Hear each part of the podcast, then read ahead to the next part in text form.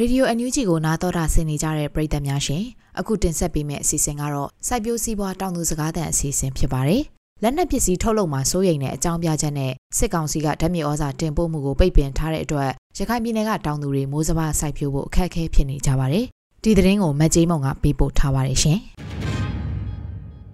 ရန်ကုန်အပါအဝင်နေမျိုးအသီးသီးကတင်သွင်းလာမဲ့ဓာတ်မြေဩဇာတွေကလက်ရှိမိုးစဘာရာသီအတွက်အဓိကလိုအပ်နေပေမဲ့ဖောက်ခွဲရေးပစ္စည်းဖြစ်အသုံးမချနိုင်အောင်စစ်ကောင်စီကပိတ်ပင်ထားတာပါ။ဒါကြောင့်မိုးစဘာကိုပဲအဓိကအားထားစိုက်ပျိုးရတဲ့ရခိုင်ပြည်နယ်ကတောင်သူတွေအတွက်ဓာတ်မြေဩဇာအသုံးမပြုနိုင်ရင်စဘာအထွတ်နှုံကြပြီးတရားသည့်အတွက်နစ်နာသွားဖို့ရှိနေပါတယ်။ဒီအခြေအနေကိုရခိုင်ပြည်နယ်အခြေစိုက်တည်နှံဖွံ့ဖြိုးရေးလုပ်ငန်းတွေကိုအကူအညီပေးနေသူတဦးကအခုလိုပြောပြပါဗျ။အ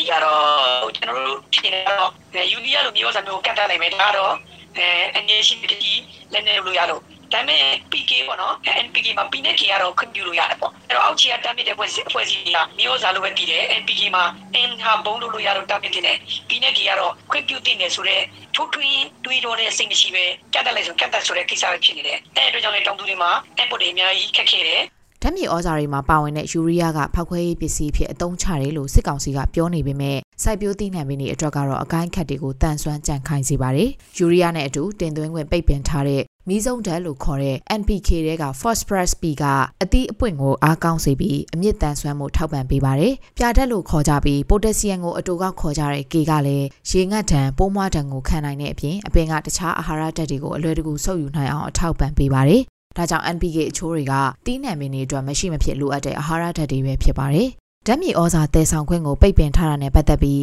ရန်ကုန်စစ်တွေပြေးဆွဲနေတဲ့အဝေးပြေးရင်လိုင်းကရှင်မောင်းတအုပ်ကလည်းအခုလိုပြောပြပါဗျ။ဓာတ်မြေဩဇာအိတ်ကကျွန်တော်တို့ဒီတမိုင်းကုန်းမှာလေဒီအန်အန်တမိုင်းကုန်းမှာအဲ သူတို့ကဖောက်ခွဲရေးနဲ့ဆက်သက်တဲ့ပစ္စည်းဆိုပြီးတော့သတ်မှတ်ထားတယ်အဲဒါကြောင့်မလွယ်ဘူးမရေပိုတော့ဆိုးတယ်ကူကလေစစ်ကောင်စီကနှစ်စဉ် American Dollar တန်340ဘူးလောက်တင်သွင်းနေရတဲ့ဓာတ်မြေဩဇာတင်သွင်းစီတက်တာအောင်လေယာဘေးရွက်ပစ္စည်းတွေကနေတဘာဝမြေဩဇာထုတ်ဖို့အားပေးနေပေမဲ့စိုက်အေက10သိန်းကျော်အာဟာရဖြစ်ဖို့အတွက်တဘာဝမြေဩဇာကထိထိရောက်ရောက်အကျိုးပြုနိုင်မှုမဖြစ်နိုင်ဘူးလို့ကြောက်တော်မြို့နယ်ကဧက100ကျော်စဘာစိုက်ပျိုးသူတောင်းသူတဦးကအခုလိုပြောပါတယ်ဘူကရှိတို့ဘာလို့ကလည်းဒီသဘောမျိုးစားကလည်းဒီလေကွန်းကြီးတစ်ခုလုံးကိုဘယ်သူမှထင်နိုင်မှာလဲမထင်နိုင်ဘူးစိုက်ကတိုင်းနိုင်ရှိလို့ရှိတာကို ဟိုကျွန်တော်တို့မှာအလေးထားတစ်ခုကဒီသဘောမျိုးစားဆိုတာဟောင်းဟောင်းမှာထင်တယ်ငရုတ်ခင်းတို့ကော်ပီခင်းတို့မှာ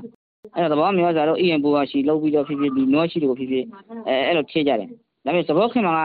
အဲ့လောက်ရဖို့မလွယ်ဘူးလေဘာလို့ဆိုတော့ဒီတမျိုးတစ်ခေါက်မျက်စိတပီရှိတဲ့လေကွန်းကြီးကိုအဲအဲ့ဒီနောက်ရှိတို့နောက်ပြီးတော့ဒီဒီဒီအရင်ဘူကရှိတို့ကမဖြစ်နိုင်ဘူးဒါကြောင့်မြင်စင်ရပဲကျွန်တော်တို့တွားရတယ်ရခိုင်ကမ်းရိုးတန်းဒေသမှာအခုလိုမိုးရသည်ရောက်လာရင် လဲမြေကိုညံ့ညက်ထွန်ကောက်ပင်စိတ်စိတ်ဆိုင်ပြီးဓာတ်မြေဩဇာအလုံးလောက်ကျွေးနိုင်မယ်ဆိုရင်တနိုင်ငံလုံးမိုးစဘာပြန်းများအထွတ်နှုံဖြစ်တဲ့68တင်းထပ်ပို့ပြီးတင်းတရာထိထွက်အောင်စိုက်ပျိုးနိုင်တယ်လို့အဆိုပါလေသမားကြီးကဖြည့်ဆွက်ပြောပါတယ်စစ်ကောင်စီကတခြားတစ်ဖက်မှာပြည်ရင်းစားနေရိတ်ခါဖူလုံရေးပြည်ပကိုစံတန်ချိန်ပို့ပြီးတင်ပို့နိုင်မှုတွေပြောဆိုနေတာရှိပေမဲ့တစ်ဖက်မှာလည်းပြည်ရင်းစားနေရိတ်ခါဖူလုံရေးစဘာအထွတ်တိုးရေးထက်စစ်ရေးအရာအသာစီးရနိုင်မှုကိုပဲဦးစားပေးဆောင်ရွက်နေတာဖြစ်တယ်လို့ဒေသခံတွေကသုံးသပ်နေကြပါတယ် အခုတင်ဆက်ပေးခဲ့တဲ့မြေပြင်သတင်းအကြောင်းအရာတွေကိုတော့ Radio NUG သတင်းတောင်မကြီးမုံကပေးပို့ထားတာဖြစ်ပါတယ်ရှင်